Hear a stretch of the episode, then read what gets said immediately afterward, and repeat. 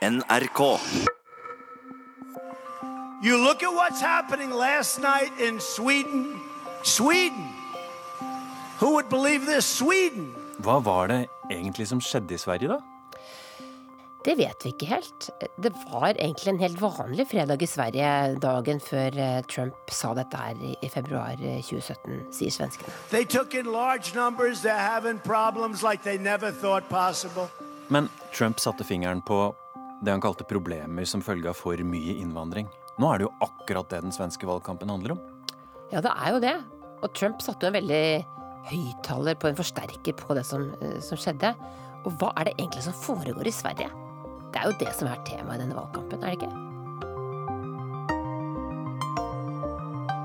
Krig og fred. En podkast fra NRK Urix. This Week in Sweden.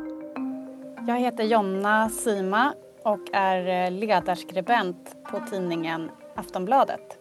Hva er det viktigste vi trenger å vite om valget i Sverige denne uka? Det är väl att vi med all sannolikhet inte kommer att ha något klart valresultat på valdagen nu på söndag. Eh, utan att det inte kommer finnas någon riktigt tydlig majoritet för något av de här eh, politiska blocken.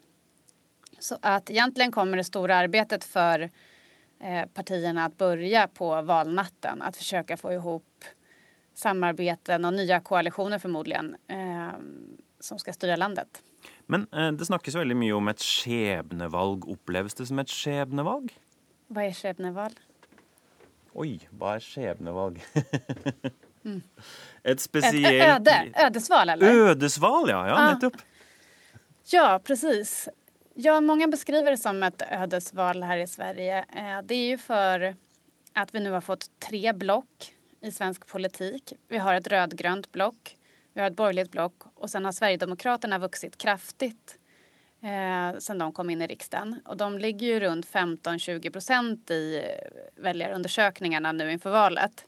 Så det är oklart hur stora de verkligen blir, men de är ju en stor kraft i riksdagen och eh, Eh, tidigare har ju de båda blocken försökt skapa olika sätt att eh, regera Sverige utan att Sverigedemokraterna får någon inblandning. Men det blir ju krångligare och krångligare ju större Sverigedemokraterna blir. Eh, så på det viset blir det ett ödesval att, att eh, det politiska landskap som vi har haft eh, de senaste, ja, i modern tid helt enkelt, kommer att förändras med all sannolikhet. Då är det dags att vända kappan efter vinden och strunta i vad man har sagt. Då är det dags att mota valförlust i grinden och leda de heliga korna till slakt. Om folket ropar om vår flyktingström, ställ in den. Får detta fortgå så är vi fakt. Då är det dags att vända kappan efter vinden så att jag får behålla min makt. Jag tittade precis på Grotesco, eh, en eh, satirgrupp som gjorde en flyktingmusikal som i musik visar den här förändringen från när Stefan Löfven är statsminister. Han håller ett tal i mitt Europa bygger vi inga murar. Och eh, det här görs om till en opera där han är stolt över Sveriges humana reaktion mot den syriska flyktingvågen. Men hur den här snabbt möter verkligheten. Det blir för många. Eh, plötsligt stiger Sverigedemokraterna som en raket i opinionen. Och eh, sen får man helt enkelt ändra om allting och plötsligt så är det som att i princip så byter alla från att eh, Sverige ska vara väldigt öppet när det gäller invandring till att nej, vi måste stänga till, strama åt. Vi kan inte ta emot så här mycket invandring, så här mycket flyktingar. Jag heter Henrik Torhammar och jag är en svensk journalist som leder Sveriges Radios podd om inrikespolitik, det politiska spelet. Du mener rett og slett at det er en satirisk musikal du som nærmest best har oppsummert den svenske innvandringsdebatten? Nej, inte bara jag. Det är på riktigt nästan att alla eh, politiska betraktare tittar på Grotesco och ser just eh, det kanske behövs någonting lite absurt för att fånga den, den tvärvändning som skedde här eh, under väldigt kort tid. Eh, det är väldigt mycket frågan om hur ska man förhålla sig till Sverigedemokraterna? Och det finns i huvudsak två olika sätt att se på Sverigedemokraterna. Antingen är de det nya Vänsterpartiet eller är de en gång för alla typ ett nazistiskt parti, alltså grundat av nazister. Och vem menar vad? Jag skulle säga att det finns en del på högersidan som säger att precis som Vänsterpartiet har haft ett problematiskt förflutet. De var kommunisterna. Och i den världsbilden så är kommunism och nazism det är två antidemokratiska ideologier. Precis som Socialdemokraterna kunde använda Vänsterpartiet eller då Vänsterpartiet kommunisterna att luta sig på så borde också alliansen eller en högerregering kunna luta sig mot Sverigedemokraterna. Eh, att det på något sätt är en sorts process. Eh, partiet försöker göra upp med sin historia, rensa ut rasisterna och i ekonomisk politik så har Sverigedemokraterna gått ifrån mitten till att vara mycket mer höger. Det är den ena sidan. Den andra sidan är nej. Eh, Sverigedemokraterna är inte som norska Fremskrittspartiet eller danska Folkeparti. Eh, där i andra skandinaviska länder kan man ha de här partierna som är invandringskritiska som att stödja regeringen eller att vara en del av regeringen. För det är någonting skillnad i Sverigedemokraternas DNA. De startades utav nazister, alltså det här är själva grunden i det största demokratiska misslyckandet under 1900-talet att inte se de här krafterna och att tidigt stå emot dem. Och man tittar också på vad som händer i resten av världen. Man tittar på Orban i Ungern eller i Polen eller krafter som flörtar ditåt som i Österrike eller Italien och säger att det är dags att reagera snabbt och isolera de här för vi vet vi vet var historien går om man släpper in de här krafterna i politiken. Så antingen en långsam normalisering fast ändå hålla med ett avstånd eller att försöka isolera och hålla dem utanför. Men hvis du sammenligner med Norge og Danmark, da, for så vidt, så har høyrepopulistiske partier blitt eh, tatt inn i varmen på sett og vis i eh, breiere mm, borgerlige regjeringssamarbeid og som støttepartier. Eh, hvordan ser dere på det som har skjedd i Norge og Danmark? Ja, som vi brukar poängtera är att Sverigedemokraterna är delvis ett annorlunda parti än Dansk Folkeparti eller Fremskrittspartiet i Norge det var väldigt, eh, ja men ett rasistiskt parti helt enkelt när Jimmie Åkesson som är partiledare för Sverigedemokraterna gick med i det partiet på 90-talet. Eh, det är, ja, till skillnad då från till exempel Fremskrittspartiet som är, kommer från ett högerpopulistiskt skattesänkar, eh, en skattesänkaridé. Men Sverige börjar ju bli mer allt likt Norge och Danmark och det, ja, det tycker jag är dåligt. på vilken måte? Ja, nej, men att vi har den här utvecklingen eh, eh, med framväxande eh, högerpopulistisk och nationalistisk parti. Eh, men skillnaden då mot, mot Norge till exempel är ju att svensk borgerlighet hittills inte har samarbetat eller velat bilda regering med eh, det, eh, vårt främlingsfientliga och högerpopulistiska parti. Men det är det vi får se nu på söndag om eh, eh, svenska mitten eller borgerligheten kan hålla sitt löfte om att inte samarbeta med Sverigedemokraterna. Svenskene har av och till framställt sig som eh, mindre vulgära än, eh, än vi naboerna. Alltså, särskilt på elitnivå så tror jag eh, framför allt i jämförelse med Danmark, att det fanns en stor stolthet att vi eh, vi hade ett populistiskt parti på 90-talet, Ny Demokrati, men mellan 1994 och 2010 så fanns det inte några sådana representanter i Sveriges riksdag och det här sågs av många som en stor vinst att vi var lite mer sofistikerade. Vi har inte gått på det här populistiska retoriken och det finns ju också någon eh, självbild av att eh, Sverige är en humanitär stormakt. Jag tänker tillbaks på en bild jag såg i en sån samhällskunskapsbok när jag var liten från 80-talet om, om Sveriges roll i världen. Och där sitter dåvarande statsminister Palme. Han är ritad, han sitter på en stol och det klättrar massa barn på honom. Och det är ett barn som har den finska flaggan, ett barn som har den danska flaggan och ett barn som har den norska flaggan.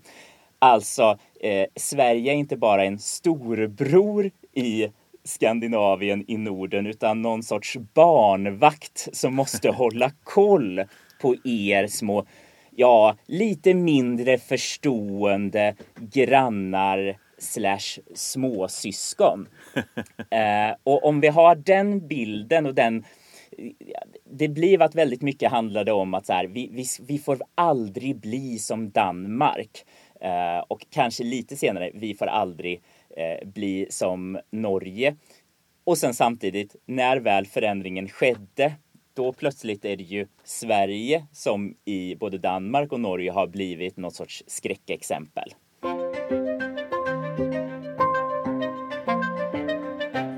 Du, jeg har läst många sånne avissaker nu i valgkampen, och det står ofta Vad skjedde med folkhemmet? Mm. Altså, hva er folkhemmet egentlig?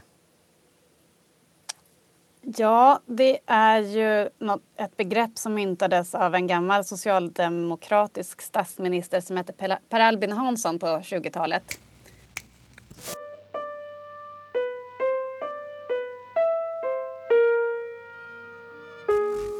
Det goda hemmet känner icke till några privilegierade eller tillbakasatta, inga kelgrisar och inga styvbarn.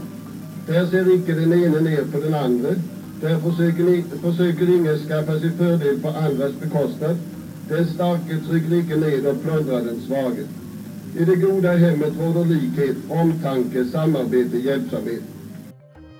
Och det handlar ju om att eh, alla barn ska få samma möjligheter att uppnå sin potential kan man säga. Att man ska få utbildning, att man ska få vård efter behov och eh, tanken är ju att eh, alla människor ska ha möjligheten att uppnå sin potential oavsett om man är född i eh, en fattig familj eller med svåra, under svåra omständigheter.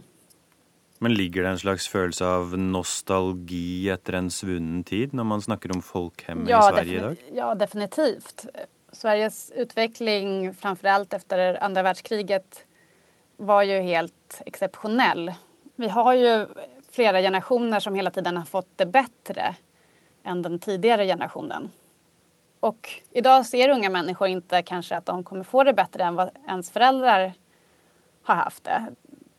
Det, det är ju det som är de här nya utmaningarna som hittar olika lösningar på. Alltså antingen så söker man sig till det här lite mer konservativa kanske drömmer om det gamla folkhemmet när Sverige var, alla ungefär levde ett liknande liv sådär. Men ehm, eller så försöker man anpassa sig till den nya verkligheten och det, en del blir ju skrämda av det. Att det, det är något obekant och något man inte känner igen.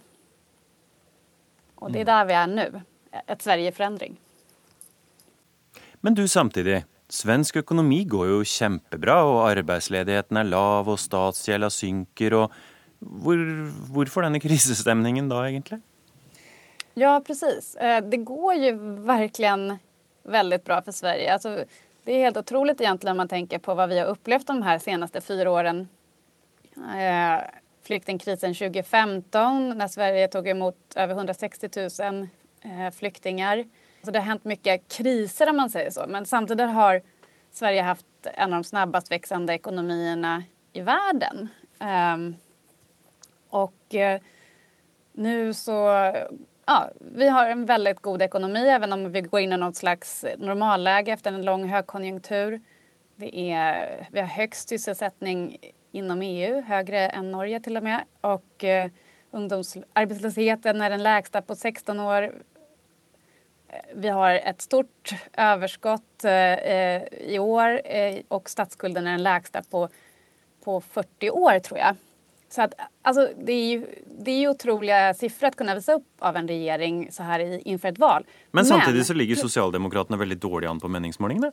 Precis, problemet är att, att väljarna, när det går bra så är väljarna inte så intresserade av ekonomin. Det är ju när det då, går dåligt och man är orolig över eh, sitt jobb och sådär som, som man kanske intresserar sig mer för det. Utan nu har det varit andra frågor som eh, ja, men, kring kultur, alltså så här, kring religion, kultur, invandring eh, och sådär.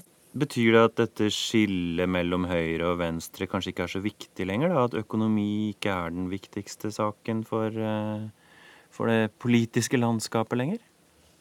Nej precis, det är ju en väldigt stark eh, diskussion här i, i Sverige att eh, höger-vänster har konkurrerats ut en del av den här nya politiska skalan Galtan. Jag vet inte om ni känner till den. Eh, men eh, Gall, det är gröna och liberala eh, internationella eh, värderingar.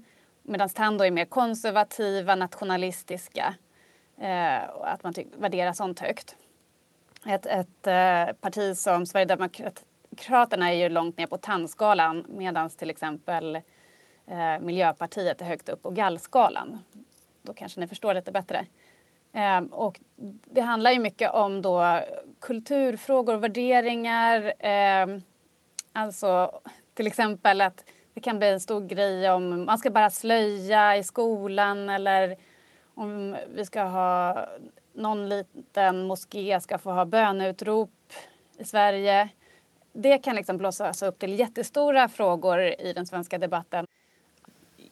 Om man zoomar ut så är ju det fortfarande extrem konsensus i svensk politik och jag tänker fortfarande den retoriska konsensus. Eh, Sverigedemokraterna har ju alltså tvingats både säga ja, eh, de gillar public service, de gillar gays och de tror på klimatförändringar det är liksom saker som det socialkonservativa nationalistiska partiet i Sverige säger.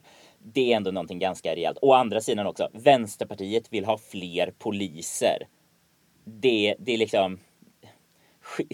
I, ett anna, I en annan värld så hade det funnits tydligare alternativ. Jag skjønner, så egentligen är dere alla eniga långt på väg?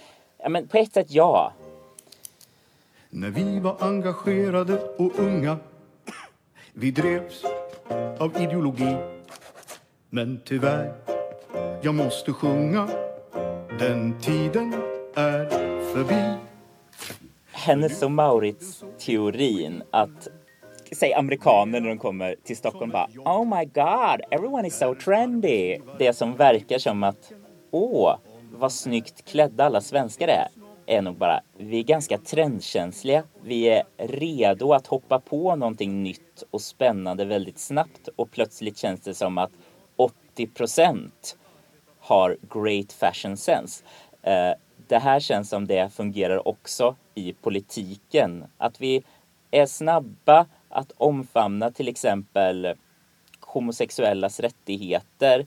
Eh, men ena sekunden så var i princip alla för Sverige ska vara ett öppet, tolerant land och det betyder att ta emot mycket flyktingar. Nu är det istället nej. Vi måste stänga gränserna och ha kontroll. Vi kan inte ta emot hur mycket flyktingar som helst. Och slik ser det politiska motebildet ut i Sverige akkurat nu? Ja. Då är det dags att vända kappan efter vinden. Ska vår välfärd vara inte lingonris mot tamarinden Och svenska värderingar får vi slå vakt en spådom för valget då, tror du det? Någonting måste brista. Antingen blockpolitiken som den ser ut nu att eh, det blir lite danskt och norskt att något parti går över till den andra sidan. Eller att eh, alliansen på något sätt tar stöd, eller hur man nu definierar det, eh, på något sätt lutar sig mot Sverigedemokraterna. Jag skulle nog satsa på att det blir Ulf Kristersson som får i uppdrag av Sveriges riksdagstalman att bilda regering. Moderaterna sen- med andra ord. Ja, precis. Moderaternas ledare. Eh, sen får vi se om han får ihop något samarbete med stöd av Sverigedemokraterna eller eh, eller så blir det någonting helt annorlunda. Det kanske blir en eh, enpartiregering med bara Moderaterna. Eller skulle det kunna bli moderater och socialdemokrater som i en stor koalition likt den i Tyskland regerar. Vem vet?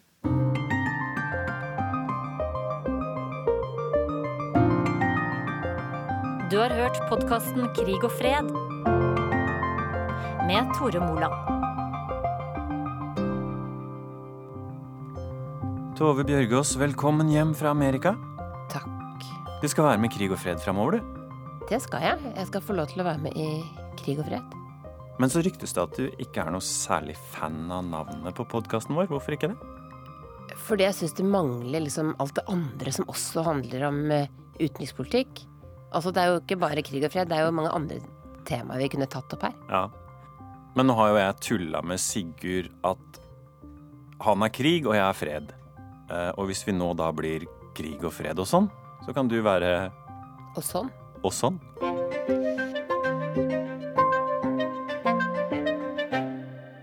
Jag blir förbannad. På riktigt. Och eh, min fråga till de här är vad fan håller ni på med?